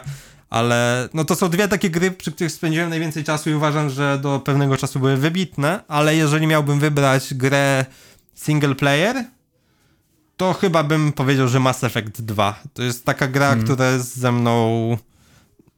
Jakbym mógł zagrać w jedną grę, tak jakby z czystą kartą, nie pamiętając jej w ogóle, wiedząc tylko o co chodzi, jestem pewny, że wybrałbym Mass Effecta, bo jestem fanem science fiction, ale właśnie takiego nie science fantasy jak w przypadku Gwiezdnych Wojen. Nigdy nie byłem jakimś fanem Gwiezdnych Wojen i zawsze... Taka bardziej przyziemna. Tak, to znaczy nawet nie tyle przyziemne, to żeby było więcej science niż fiction i o ile Mass Effect już w pewnym momencie odbija od tego kanonu, o tyle sam początek właśnie, że nie jest tak jakby kanonem, mm, kanon dzieje się na, w kontekście wydarzeń, które mogłyby się wydarzyć, które pokazują początek podboju kosmosu przez rasę ludzką, bla bla bla, już nie, zanu nie zanudzając fabułą, ale właśnie Mass Effect był pierwszą grą, która tak doskonale połączyła taką filmowość narracji z tymi wyborami moralnymi i to było niesamowite. Właśnie zresztą BioWare jako studio, czy, czyli wykonawca, twórca tej gry, zawsze było studiem takim mega progresywnym i oni się nie bali robić rzeczy, które były nie do pomyślenia przez innych takich bardziej zachowawczych, mm, zachowawczych producentów. Dlatego jestem też bardzo dużym fanem innych ich produkcji. Hmm. Tak jak... A BioWare robił Dead Space'a? Nie, nie, nie. Nie, Dead... nie to był... Poczekaj, jak się nazywał? Bo właśnie teraz mi się skojarzył Dead Space, bo remake'a robią i też pomyślałem o tym, że w sumie, w sumie jak te, też wspomniałeś o tym, że jakbyś miał grę, którą mógłbyś zapomnieć i zagrać na nowo, hmm. to wydaje mi się, że byłaby to pierwsza część Dead Space'a i druga, bo trzecia no, nie, nie, nie komentuję. Dead Space, Dead Space bardzo dobra seria i Dead Space'a robił Visceral Games. Visceral tak, Games, właśnie. Trudno do no, wymówienia no, którego... nazwa, jak się kiepsko wymawia R. Czyli jakie? Tak. Oj, dobra, nie przejmuj No, ale, ale A... tak zupełnie serio mówiąc, no Mass Effect jest dla mnie właśnie dlatego kultowy, bo o ile na przykład poprzednie gry e, BioWare'u już stawiały na ten aspekt mm, rozszerzania ścieżek fabularnych i krzyżowania różnych wyborów z różnymi zakończeniami i krzyżowania tej fabuły na, na różne sposoby, o tyle właśnie Mass Effect drugi był pierwszą grą od nich, która raz, że postawiła na takie mm, bardzo filozoficzne tematy, to już nie było ciupanie podwodów, tylko no, coś głębszego, a dwa, że była bardzo, bardzo filmowa, tam jest dziesiątki godzin przerwników filmowych na, w przekroju całej serii. I to jest właśnie niesamowite. Zresztą też na maksa polecam soundtrack do tej gry, który jest genialny. Mógłbym go słuchać godzinami. Jak kiedyś będziemy latać w kosmos, jak już miliarderzy się wystrzelą i będzie to nie tyle komercyjne, co nie będziemy mieć wyboru, bo Ziemia będzie umierać, no to do soundtracku z Mass Effecta będę leciał. Hmm. A jeśli, jeśli nie będziemy wychodzić jeszcze poza atmosferę ziemską, to będzie to soundtrack Ace Combat. No, też klasyk, nie? no to choć nigdy w Ace Combat nie grałem, ale słyszałem, że właśnie over the top strasznie jest ta gra. E, śmieszna generalnie. E, a, właśnie pozdrawiam Śmigła, który też pewnie nie odsłucha tego e, podcastu, haha, ale no, strasznie mi wciskał Ace Combat, bo no tak, no, on strasznie fan Ace Combata, ale jeśli chodzi o bezapelacyjną, najlepszą grę, w którą grałem, to trochę tutaj chyba zaskoczę wyborem. Wydaje mi się, znaczy być może ze względu na nostalgię też najpierw, znaczy najpierw pomyślałem o pomiędzy Deus Exem, Bunt Ludzkości, a e, Falloutem New Vegas być może, choć, e, choć tak potem sobie troszkę właśnie teraz pomyślałem e, dłużej i moim wyborem chyba będzie Klub Penguin. E, Szanuję, które, mini klip na zawsze w sercu. No i którym spędziłem chyba, ja nie wiem, więcej spędzałem czasu z, w Klub Penguin niż z kolegami i niż e, z tym, No dla mnie niż tym odpowiednikiem właśnie była Tibia, nie? Tak jak mm. graliśmy w 20 dzieciaków, później spotykaliśmy się na osiedlu, żeby wymieniać się historiami o tym, jak uciekaliśmy przed smokiem i może to brzmieć dość idiotycznie, ale my naprawdę tym żyliśmy, jak byliśmy tymi dzieciakami. Nie, no, I, wiesz, nie no, wydaje mi się, że nie idiotycznie. Dlaczego Tibia była taka ciekawa? Dlatego, że ona co jest mega archaiczne, ale no, to jest gra z 90 któregoś roku. jedna z pierwszych gier sieciowych, a pierwsza, która zdobyła taką dużą popularność w Polsce, bo nie zajmowała dużo miejsca, więc była łatwa do ściągnięcia, co na standardy ówczesnego internetu była me było mega ważnym wyborem, nie? Tak, tak ci przypomnę, pewnie nie pamiętasz, nie wiem czy grałeś w Mu Online. Moon Online kojarzę z nazwy, ale... Mu Online to było, była taka lepsza Tibia i mu zajmowało pierwszy launcher zajmował chyba, o ile dobrze pamiętam, w okolicach 200 do 300 megabajtów i to już było w cholerę. Tibia zajmowała, O, chłopie. launcher zajmował 8 mega, O nie? mój Boże. O nie, to jak sobie przypomnę czasy, w których się pobierało z horrendalną prędkością Tak. te gry, to oj, A- Jesus Christ. Ale właśnie wiesz, i wracając do Tibi, i Tibia miała taką archaiczną mechanikę, która z perspektywy czasu jest mega uciążliwa, ale z drugiej strony powodowała, że ta gra była w pewien sposób magiczna. Nie było tam dziennika zadań. Każde zadanie trzeba było odkryć samemu i część z nich była opisana tylko na, na stronie tibia.pl, bo, bo gdzie inaczej, gdzieżby inaczej, ale był w tym taki dreszczyk emocji, jak mogłeś zboczyć z trasy i już nie wiedziałeś jak wyjść, a mogło cię tam spotkać coś niesamowitego, nie? I my jako dzieciaki, jak się zapuszczaliśmy w jakieś takie rejony, których nie znaliśmy, to, to totalnie, wiesz, obsrane gacie. Ja zawsze wtedy spocony byłem z nerwów, żeby tylko nam jakiś e, Giant Spider nie wypadł. Mm, rozumiem. I to jest, No- że brzmi to naprawdę dość śmiesznie z perspektywy czasu z, i biorąc pod uwagę, jak wyglądają gry teraz, ale pierwsze gry sieciowe, w ogóle internet był takim wynalazkiem, który dla mnie był totalną rewolucją i tak zmienił moje postrzeganie gier. Gdyby nie ten internet, to podejrzewam, że nie byłbym aż takim fanem właśnie gatunkowym, RPGowo-MORPGowym. No, ja jeszcze wracając do tego Klub Penguin, to pamiętam, jak siedziałem, po prostu grałem, to znaczy pomijając to, że no niestety ta gra miała paywalla srogiego i być może jakbym e, Amarystce siedział i e, tam e, na przykład byłaby, znaczy byłaby łatwy, znaczy tak, wydaje mi się, że lata 2008 i tak dalej, to płatności internetowe to była taka czarna magia No, i na przykład jak mówiłem no, jak mówiłem mojej mamie, "Nie, ja chcę abonament do Klub Penguin, to było takie, no nie, nie, no nie, nie. Więc y, właśnie siedziałem, siedziałem, grałem w ten Klub Penguin i czekałem na każdy event, którym były rozdawane darmowe e, itemki, jakieś tam w ogóle, no nie wiem, ciuszki i tak dalej, bo to najczęściej ciuszki były, bo tam kto, ko, kto by się obchodził backgroundami do, e, no, do profilu. Nie, no bo pewnie. to chodziło o flex na, na właśnie na ubrania. I słuchaj, ja się tak zaswiedziałem, że to wyznacznikiem statusu w tej grze było to, że posiadasz buty. Bo tak to wszyscy free-to-playowcy latali, latali na bosaka, na same płetwy, a ja, kurde, przy jednym evencie z Rockhopperem, e, to znaczy tam z takim, post- znaczy generalnie nawet ta, ta gra ma swój lore i fabułę, więc to tam co jakiś czas przypływał, e, przypływał taki pirat, e, coś e, na, na jakby podobiznę Czarnobrodego, Rockhopper i za każdym razem to był taki event, kiedy on przypływał do, do tego świadka, tego Klub Penguin i rozdawał właśnie te darmowe rzeczy i udało mi się pirackie buty raz zdobyć i słuchaj, to był taki flex, że no normalnie, no nie wiem, jak, e, nie wiem, e, Air Maxy normalnie za 800 Ale zł. co, ja to totalnie czaję, bo w WoWie była taka mechanika, że mogłeś odblokować e, naramienniki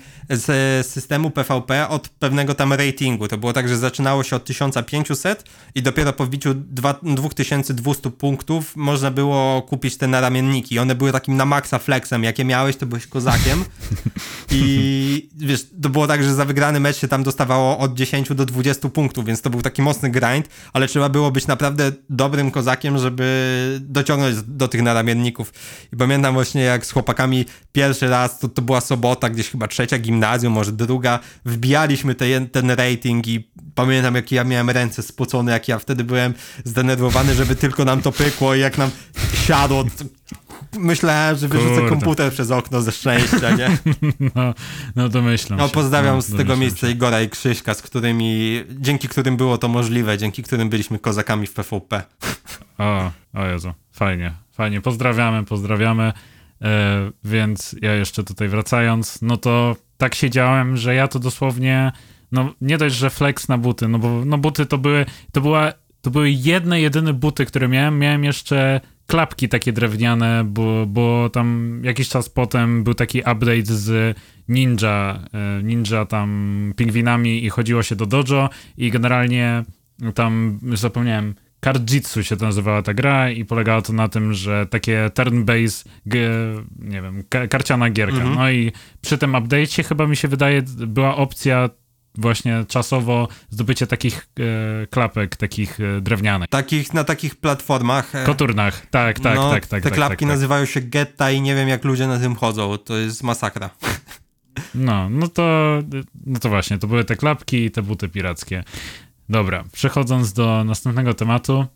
Cyberpunk 2077 to najgorsza polska gra i wyjaśnij dlaczego. Tak. Nie, nie, ja się bawiłem w Cyberpunku dobrze, ale raz, że ogrywałem na komputerze, więc miałem, podejrzewam, że tylko 10% bugów, które mieli ludzie grający na konsolach. A dwa, nie spodziewałem się nigdy po tej grze, że będzie wybitna, bo CD Projekt to jest studio, które zjadło własny ogon i bycie takim mesjaszem gamingu i bazowanie właśnie na tym takim antysystemie, w cudzysłowie, jednocześnie będąc ogromną korporacją zarządzaną przez trzech czy czterech dość autorytarnych ludzi, to się nie miało prawa udać, nie? Więc ja uważam, że jeżeli chodzi o fabułę i o to, jak była ona poprowadzona, to to jest wybitna gra i sam tak jakby sama filmowość, wątki, które tam były poruszone są super, no ale na przykład itemizacja, e, odkrywanie mapy, niektóre wątki poboczne, no to była nuda i to było coś, co mnie nie kupiło. I nie uważam, że to jest bardzo zła gra, są gorsze, ale po tym poziomie, jaki prezentował Wiedźmin, no to naprawdę ta gra musiałaby się wznieść na wyżyny, żeby, żeby to osiągnąć. A prawda jest taka, że ona by osiągnęła ten szczyt, gdyby była w produkcji jeszcze ze dwa lata.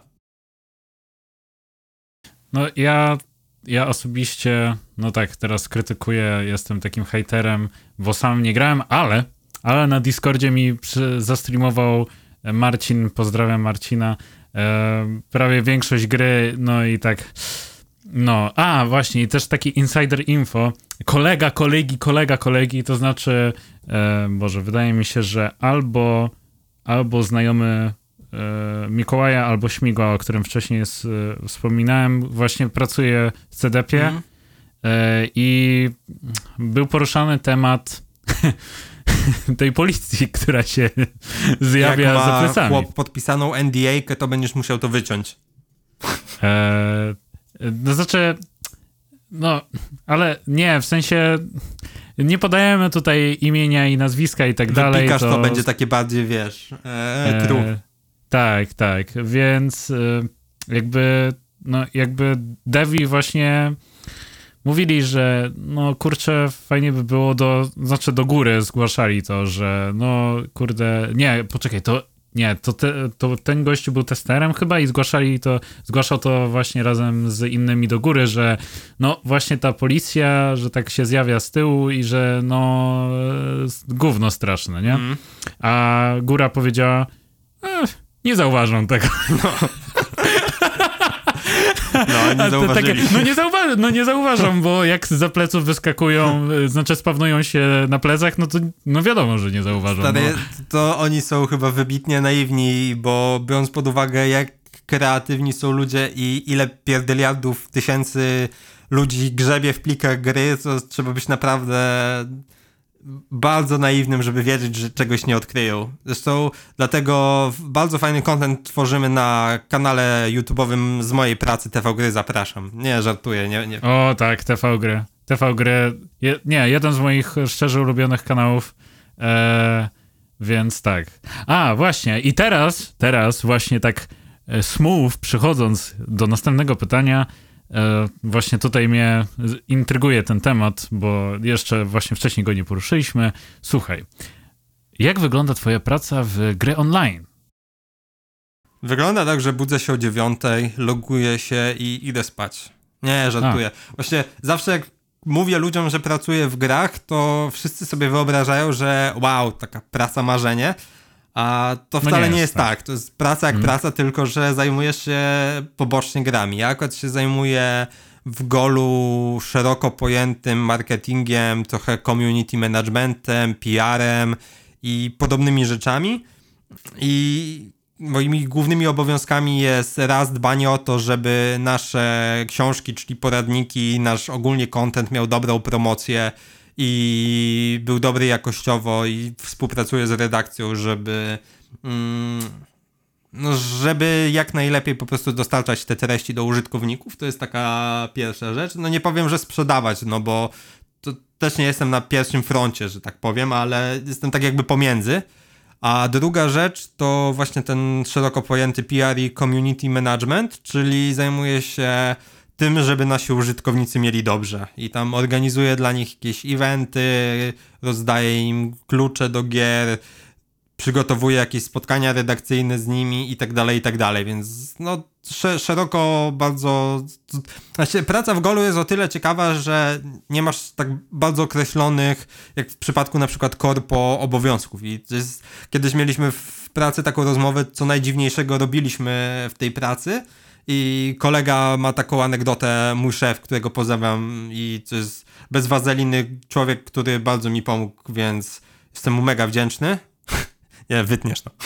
Ale, ale tak zupełnie bez wazeliny e, opowiadał, jak jego najdziwniejszym zadaniem w pracy było ogrzewanie modelki e, półnagiej na skrzydle, skrzydle zabytkowego samolotu farerką, bo do jakiejś gry promocja wyglądała tak, że tworzyli chyba jakiś kalendarz z modelkami pinapowymi i że było wtedy bizdu zimno, to stał z taką Jesus farelką Christ. z 80 roku i ogrzewał ją, żeby tam biedna nie zamarzła, nie? Boże. Więc A, tak jak... Kumer, kumer vibes. Tak e, i ta, ta, ta praca jest właśnie taka, że nie robisz czegoś stale, bo cały czas wpadają ci jakieś ciekawe rzeczy, czy, czy, czy przygotowanie konkursu, czy nie wiem, chociażby pisanie tekstów, bo, bo też się zdarza, że piszę całkiem sporo, a, czy newsów, czy, czy jakieś tam rzeczy bardziej takich właśnie PR-owych notatek, coś tam, ale no, nie powiem, że się nudzę, bo jest bardzo dużo pracy i w sumie pracuje mi się całkiem dobrze. Jak pracuję z domu, przede wszystkim właśnie to jest zaleta, że jednak pracuję się z nerdami i ci ludzie czają klimat, w którym się obracamy, więc zawsze jest o czym porozmawiać i to jest tak jak w poprzedniej pracy nie miałem takiego vibe'u z ludźmi, tak tutaj właśnie połowa tej fajności w pracy to, to są ci ludzie, z którymi dane mi pracować, więc mega się tym jaram. Mm. I wiesz, nawet sam fakt, że jesteśmy w stanie sobie pograć w gry wspólnie po pracy i wszyscy kumają, co robimy, nie? Czy koleżanka prowadzi jakiegoś swojego streama, druga koleżanka zaczyna streamować, e, kolega prowadzi jakieś sesje RPGowe, więc no 100% nerduwa, nie? I ja to lubię, no więc nerd hardcore. Head to jest najlepszy gość z TV gry i wyjaśni dlaczego. Head jest w porządku, ale żadnego nie faworyzuje. Mnie się paradoksalnie najlepiej, bo najwięcej pracuję chyba z Arashem albo z Gambrim. W sumie oni są wszyscy po prostu spoko. Tak jak mówię, nie, nie mam w tej filmie w przeciwieństwie do poprzedniej, że miałem na przykład z kimś zatarg czy cokolwiek, nie? To jest na tej zasadzie, że po prostu to są ludzie, którzy się jarają tym, co robią, więc nie musimy ich na przykład zmuszać, żeby tak jak ja opowiadałem, że, że prowadzę takie spotkania dla użytkowników z redakcją tak w formie AMY. E, no i wiesz, nie, nie, muszę ich zachęcać, żeby porozmawiali sobie z użytkownikami o jakichś grach, nie wiem, o jakichś mechanikach, cokolwiek. To jest mega fajne w tej pracy, że, że ci ludzie są tam głównie z zajawki. Hmm. Ale to prawda, Head, tak patrząc przez pryzmat rozpoznawalności, to zdecydowanie jest największą gwiazdą gola. Nie, ja uwielbiam człowieka. Ja po prostu tak uwielbiam e, e, oschłość, suchość jego humoru. Tak, ja e... też jestem wielkim fanem. Szczególnie nie wiem, czy widziałeś ten odcinek Gier z Kosza, który robił na temat jakiejś tam taniej podróby, jakiejś ruskiej gry, gdzie w intro zrobił taki gopnik dance. A, nie, nie, nie. To jest takie złoto, po prostu najlepsze intro do, do programu, jakie wymyślili chłopaki u nas na kanale. Nie, nie, to niestety nie miałem styczności z tym odcinkiem. Jak znajdę, to ci podeślę. To jest naprawdę tak suche, tak złote, wiesz. Dresy były... E, funkcję dresu sprawowały zwykłe jeansy z naklejonym papierem toaletowym po bokach, nie? Żeby, żeby unaturalnić klimat. Ale tak, Wspaniałe. Nie, nie wiem, czy praca to jest najciekawsza rzecz do rozmowy tutaj, ale jeżeli miałbym zupełnie serio powiedzieć, to po prostu jest to fajna praca i tyle. No to fajnie. Dobra, wracamy do nieszc- tego nieszczęsnego tematu, jakim jest hardcore. E, zwierzyłeś mi się, że Foresight ma ujemne odsłuchania na Spotify. Bo nie ma nas na Spotify. No i teraz zaorałem sam siebie. Więc powiedz mi, co właśnie z Foresight? Coś macie w planach? Jakieś koncerty, nowe materiały? E, sytuacja wygląda tak, że nagraliśmy płytę long playa, więc to już oficjalnie mówię, bo i tak niedługo będzie to rzucane gdzieś jako teaser do neta. E, na płycie będzie 8 numerów. E, no to jest zupełnie serio. Jestem tak na maksa zadowolony z tego, jak to wyszło. I, jest to najlepsza rzecz, jaka mi się około hardkorowa udała, odkąd coś Jaka tam około gram. hardkorowa? To jest przecież hardcore. Tak. To Dlaczego starasz się Nie, odsuwać co- od tego? Zasadniczo to mogłem powiedzieć, że najlepszą rzeczą było granie w zespole trash metalowym w moim rodzinnym mieście, ale niestety nie, nie pozostawiliśmy po sobie śladu. O, Ale tak zupełnie serio, to no, jestem mega zadowolony, jak to wyszło. Bardzo długo, zresztą robiliśmy tą płytę, to, to było półtora roku takiego dłubania przy tym. I no, też myślimy, że epkę wrzucimy gdzieś niedługo na tego nieszczęsnego Spotify'a w ramach jakiegoś przypomnienia, że taki zespół istnieje, bo ja mam takie... Znaczy, totalnie rozumiem, dlaczego ten zespół jest trochę tak mało...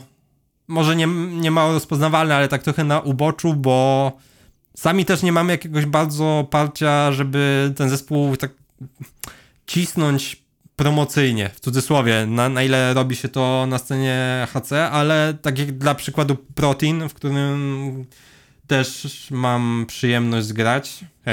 Pozdrawiamy e, moment. I, i No, resztę raz chłopaków z. Protein. Ale tam jest tak, że Maciek, nasz basista, jest doskonałym człowiekiem od robienia roboty marketingowej zespołu HC. Po prostu zna każdego, wie do kogo zagadać, ma zajawkę, yy, robi merch i on jest po prostu doskonałą osobą do, do sprawowania takiej funkcji. Tak na przykład w Foresight nie ma czegoś takiego, bo wszyscy byliśmy bardziej skupieni na muzyce, nie? Dla mnie Foresight to jest priorytet, mm, jaki tam obraliśmy, to jest właśnie robienie tej muzyki i koncerty to, to nie jest coś, tak jak w przypadku Protein, to nie będą dziesiątki koncertów w ciągu roku czy dwóch, tylko to raczej będą pojedyncze strzały, Mm, ale to też mnie się bardzo podobał koncept na przykład ITG, że grali mało, ale grali to było święto, nie? I nawet nie równam, że, że kiedykolwiek z tym zespołem tak będzie, ale na, na takim poziomie personalnym tak to dokładnie odbieram, że jak już gram koncert z tym zespołem, to jest to dla mnie mm, jakieś tam przeżycie, bo granie z Protein to jest skakanie i wyżycie się i wyrzucenie tego, tak mm, do Foresight podchodzę trochę na bardziej takiej metafizyczno, no, górnolotnie mówiąc, personalnej stopie i dlatego z Foresight jest przede wszystkim muzyka, teksty i to, co się tam dzieje, to, to jest ta, ta otoczka, nie? Więc mega czekam, aż będziemy mieć to zmiksowane. Jestem mega podjarany, bo całe życie chciałem wydać long playa, który nie będzie mnie nudził. I właśnie dlatego na przykład z Protein nigdy nie chciałem wydawać longów, bo wydaje mi się, że to nie jest muzyka na, na long playa. Ja, No. jest, są dwie płyty Jówku, które jestem w stanie przesłuchać od A do Z, żebym się nie znudził. I pierwsza to jest Mindset, e, Leave No Doubt oczywiście, a druga to jest e, pierwsza płyta Floor Puncha, nie? Więc no zresztą słychać te, te, te inspiracje, o ile można mówić o inspiracjach w kontekście takiej muzyki, grając cztery akordy na krzyż.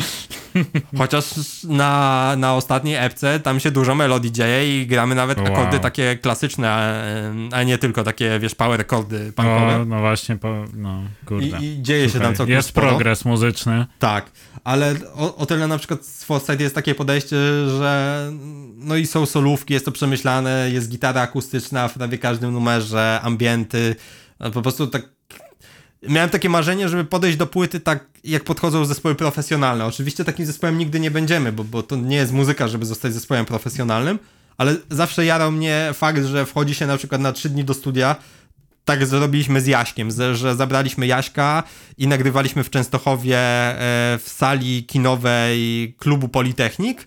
I mm, tutaj też bardzo podziękuję Pawłowi, który nam to umożliwił. I to było super, wiesz, nagrywaliśmy cały dzień, a później sobie oglądaliśmy na dużym ekranie Mad Maxa. I właśnie całe życie czekałem, żeby coś takiego z jakimkolwiek zespołem swoim zrobić i mega się jaram, że tak to wyszło. No i liczę, że płyta wyjdzie nakładem euro, europejskiego labelu, jak wszystko dobrze pójdzie. A, a wszystko, wszystkie e, znaki na niebie i ziemi wskazują, że dobrze pójdzie. I premiera myślę, że w okolicach listopada, tak przynajmniej celujemy. Listopad. I ha. tak, dokładnie. Ha, ha. A e, chciałem tylko powiedzieć, że będzie dużo moszu na tej płycie, więc zapraszam do zabawy. to to było kierowane szczególnie do ciebie, nie? E, ja nie, wiem, że to nie, nie twój to, nie, zresztą nie, no, no nie, nie oszukujmy się. Jakby zacytując e, młod, najmłodszego adepta HC, no nie mój Pit. No dokładnie, nie, nie mój Pit, ale no wiesz, no, nie oszukujmy się, jest sześć osób w Polsce, które słuchają takiego 90 jest to Łukasz Nowak, Irek z Embitera, Kuba z Embitera, Chudy z Embitera. No Embitera. Tak, e, e, Embiter plus Łukasz Nowak plus nie, może bym jeszcze kogoś znalazł. Mm. E, powiedz mi, czemu jesteś straight Przecież to jest cringe i dlaczego bawisz się w takie rzeczy, kiedy jesteś bliżej 30 niż 20? Bo by mnie bolały stawy, jakbym pił alkohol. Co? nie, nie, czytałem kiedyś na PubMedzie, bo mam taką zajawkę, że lubię sobie poczytać o, o medycynie na PubMedzie i czytałem kiedyś, że alkohol bardzo wpływa na choroby degradacyjne stawów. Oczywiście nie. Tak, tak zupełnie serio to, jest... O ile na przykład weganizm czy wegetarianizm to są takie...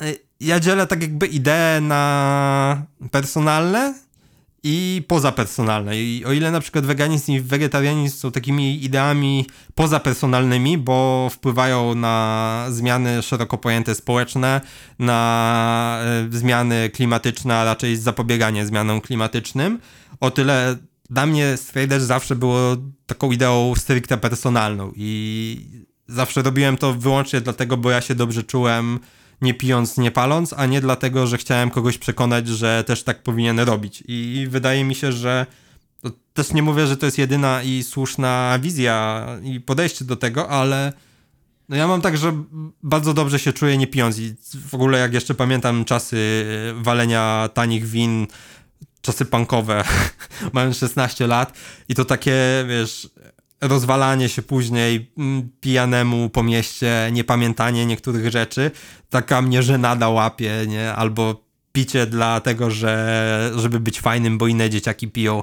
A tak wiesz, jestem z Leżajska, mamy tutaj browar, więc wszyscy tutaj żyją piwem, a ja nigdy w życiu nie piłem piwo, tego piwo. piwa. W ogóle piwo dla mnie, takie prawdziwe piwo, nie takie radlerki o smaku oranżady, są tak niedobre. Ja nigdy nie, nie czułem picia tego trunku. Mm. Top 5 straight edge nagrywek kiedykolwiek. Kickback, Archangel, e, Połamany Strife, Sepultura i Slipknot. Nie, a tak zupełnie serio. No, Strife, uh, One Truth. O ile jeszcze wtedy byli oficjalnie Straightedge, nie wiem kiedy oni się tam oficjalnie połamali, ale ten Strife na pewno no, to jest mój pit 100%. W temacie Jówkru to na pewno będzie Mindset. Leave No Doubt. To jest w ogóle jedyna płyta Jówkru, która nie jest nudna i jest dobrze zagrana, jest dobrze No dobra, już nie przekonuj do Jówkru, nikt tego ja nie przekonuję tylko do tej słuchać. jednej płyty. To, to jest jedyna. No na pewno pierwszy Earth Crisis, no to tak sztampowo, nie? No bo kurde, Earth Crisis to kult. No, vegan Rage to raczej nie. Nie, no nie, Vegan Rage jest przecież nie, Jakbym chciał posłuchać heavy metalu, to już wolę Chromax.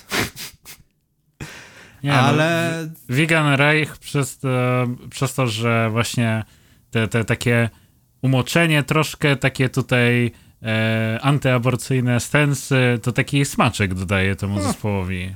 Taki hardline smaczek, sma, smaczek właśnie taki i no tak. Okay, Dobra, tak e, wiem. Sprawdziłem swojego Facebooka i że ta płyta nie przyszła mi na pierwszy ogień, to będzie Trial Are These Our Lives. To jest, A, to jest w ogóle, jak grali w Krakowie swój ostatni koncert, na intro tak mi łzy leciały, to jest po prostu najlepszy numer, jaki powstał na scenie hardcore punk. I to totalnie mogę iść z każdym na noże, to jest jedyny numer, o który zawsze się będę kłócił. to jak ten, jak się nazywa? E, reflections, Reflections. Trial Reflection. Tak, jest taki live z 2005 roku, ile dobrze pamiętam, ich reunion i po prostu to jest 150% tego, jak ten 90sowy hardcore powinien być zagrany i to jest cudo. Mm. No i w sumie, czekaj, jeszcze żeby było coś z niepopularnej opinii. Na pewno tu nie będzie Minor Threat, nie jestem fanem. W sensie, No to nie jest wkład, storytellerowy ale... zespół, zacznij. Czaję wkład, ale no to nie jest mój pit. Na pewno też nie będzie of Today, mimo że no oni zrewolucjonizowali na maksa. Hmm, z takich bardziej współczesnych zespołów, może Foundation? Foundation, ich e, płyta, ta self-titles, gdzie jest e, Hang Your Head. Nie wiem, czy kojarzysz, to z takim typkiem w kapturze na okładce. Ja kojarzę Foundation, ale chyba nigdy nie usiadłem do niego i nie przysłuchałem. Never Stop że- Raining to jest taki hit, taki bangier, że Mm. No i to jest, chyba była piąta, ale no wymieniłbym jeszcze z tego jakiś metalcore dobry, nie? Wypadałoby. Mm. No w sumie ten pierwszy Archangel, nie? Jest... No, ja, ja też właśnie chciałem zamieścić w topce, że dla mnie numer jeden Archangel Prayers Upon Deaf Ears. No to jest to jest taka, takiego militarnego stylu topka topki. Znaczy, no na Nie. pewno dla mnie to jest pewien taki pik, jeżeli chodzi o zagranie tego metalcore'u hardkorowego, tego po naszej stronie, nie tego po kucowej stronie. Ale... Naszej, o, ale tutaj wojenka. Nie, ale No, to- tak, to będą na pewno te płyty. Jakbym miał coś z tego wywalić, bo to była szósta, no to bym pewnie wywalił Foundation, ale no Earth Crisis na pewno, Mindset, e, Strife na pewno, Archangel pierwszy i co tam jeszcze mówiłem? Chyba wszystko. Mm, trial? A, i Trial, Trial. tak, dokładnie. To, to będą te, to będzie tych pięć płyt. Ja w sumie teraz tak zadałem ci te pytania, ja w sumie nie, nie wiem, czy mam tą, te top 5. Znaczy, ja bardziej sobie myślę o tych topkach jako jak się czuję w, podczas słuchania tych kawałków i jak już jestem jestem 5,5 roku straight edge, to wiadomo, że cynizm dopada i e, wiadomo, śmianie się z tego, oczywiście co jest okej Śmianie i tak się dalej. z samego siebie jest najlepsze. i, i tak dalej, a to nie wiem, no jak słucham In the Embrace of Truth Archangel, to aż we mnie takie, o, budzi się te właśnie te pierwsze takie odczucia straight edge'owe, Tak. że ten, ten straight edge Hatsy Kid, który się uważa lepszy od innych, Tak, rzucanie butelkami e, z piwem o ścianę. Nie wiem, czy widziałeś ten klasyczny filmik. Tak, wiem, Robię wiem, to wiem. dla mojej rodziny. W tym, tak, tak, i w kominiarce, Jakiś tak. tam no wiem. Tyrant X czy coś takiego, czy inna Tak, cringe'owa tak. nazwa zespołu z bidonem. Tak, tak, tak. Jak robiliśmy Sellout Control, to szkoda, że tego nie wykorzystaliśmy na intro. No. No i właśnie ten Archangel in the Embrace of Truth chyba moim zdaniem e, taki dla mnie najlepszy kawałek, tak mnie zawsze oh, tak czu- czuję go.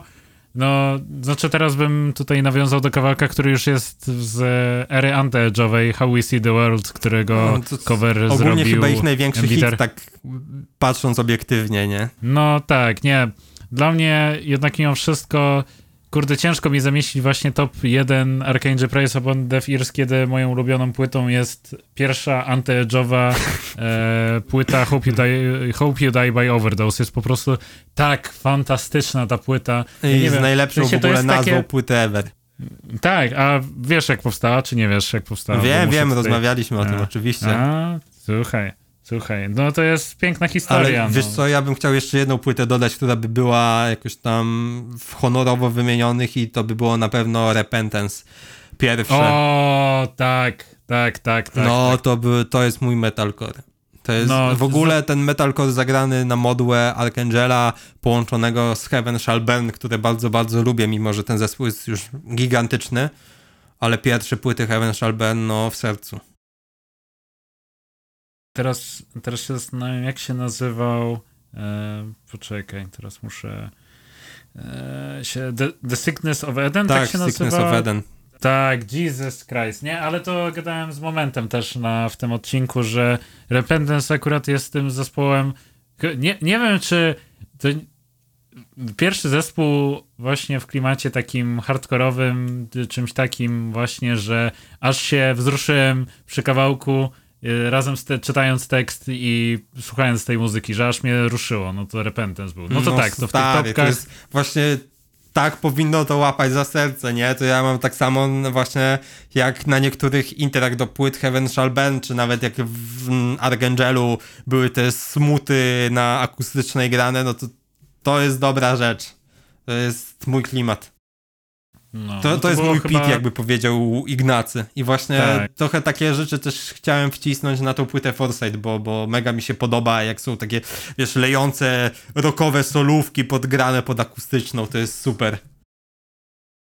No to tak, no to mamy jeden, jedną pozycję, drugą. Tak sprawiającą, że czuję się Edge, to wydaje mi się, że to jest płyta Eee, znaczy płyta, to jest epka chyba. Point of Contact Commitment. No to po jest prostu, epka, tak. No, no to, to tutaj też e, Edge, Edge twardnieje, kiedy słucham. Co jeszcze z tych nagrywek? Kurde, to jest dobre pytanie. Znaczy z ostatnich lat to wydaje mi się, że Surfitude też jest dobre. E, jest okej, okay, ale słyszałem lepsze. No tak, tak. W sensie no Repentance z UK, no No Repentance to, to i... była topka topki. W sensie to z tej nowej fali metalcore'u edge'owego nikt się nawet nie zbliżył do, do ich poziomu na razie. Mm, no i nie chcę już tutaj e, mówić wczesne, niewczesne, ale wczesne Year of the Knife jeszcze za tej, e, za epki First Days Aggression, no, to po prostu jak, to była wiesz, miłość. Ja, ja, byłem przez nich kupiony za coverowanie kickbacka, nie? Na This Hardcore. coverowanie kickbacka, I to z tej, tak. z tej najgorszej fazy kickbacka, właśnie tej... No. Still on the Prowl? Tak, dokładnie. Tam z tych już krzywych tematów i nienawiści między Stefanem a ich basistą, którego imienia Stefan nie pamiętam. Stefan Weżak, nie, tak. to jest, Stefan Weżak to też postać jest wspaniała. No, to jest mega ciekawy typ, Instagram. w ogóle to, że siedzi w tej ta Tajlandii i szuka jakichś folkowych gorów, to jest dla mnie hit, nie? No, dobre, dobre jest jego Instagram. E, spo, tak, teraz nawet tutaj znowu w opisie zamieszczę. Musisz właśnie e... zrobić taką listę polecanych po odcinkach, to będzie fajna nie, rzecz. Tak? Słuchaj, nie robię tego wcale od, od kilku odcinków czy od początku. A, to przepraszam, przepraszam nie zwracałem uwagi, Proszę, bo byłem zajęty słuchaniem. No, no, no, no, słuchaj, słuchaj, co, to, co to ma być? Ja kontynuuj temat twoich ulubionych płyt, nie co będzie w opisie. Jestem ciekawy, nie, co tam więcej Steve... z Skula wrzucisz, bo nic tam się chyba Steve... po 99 roku nie pojawia. Znaczy przed 99. Tak, jest, są dwa konta Stefa, Stefana Beżaka, jest Steve Besse 2-3-2, nie, 2-3, 2-3, jeszcze Steve Debesse 2-3, 2-3, bo ma jeszcze zapasowe, tak, bo ma zapasowe konto, bo ciągle go banują, bo wow, wstawia gore albo jakieś inne perwersyjne rzeczy. Ale dobra, wracając do nagrywek, hmm, dobra, no był ten Archangel, pierwszy Archangel, pierwsza mm, nagrywka, e, był, e, co ciekawe, coś ciekawe, e, na, w 2019 na tym gigu, gigu właśnie, na którym byłem w Londynie, on powiedział coś takiego, że Day, Day of Apocalypse jest kawałkiem, który został nagrany przed tym, jak był wokalistą hmm. w Archangel. Ja w ogóle jestem zainteresowany, kto był tym wokalistą przed Baldurem, bo moim zdaniem, gdyby nie Baldur, to no, miałby trudniej Archangel z jakimś rozpoznawalnością, znaczy rozpoznawalnością, na pewno granie instrumentalna wersja, znaczy instrumental, od instrumentalnej strony zajebiście, ale po prostu tak uwielbiam ten wokal, wokal Baldura i pomijając to, że to jest y, wyjątkowo mocno szkodliwe zdzieranie sobie zdzieranie sobie gardła. Ja właśnie jestem jest to... w ciężkim szoku, że chłop tyle lat krzyczy tak nietechnicznie i nadal jest w stanie mówić. No i jest to po prostu ścisk napowietrzone y, krzyczenie. Tak, teraz y, udaję profesjonalista ze względu na to, że byłem na paru y, z, tych y, lekcjach u Mateusza Zabłockiego. Polecam, Głososfera polecam. Y, I Link kurczę, w opisie, no, klikajcie. tak, link, tak, tak, link w opisie.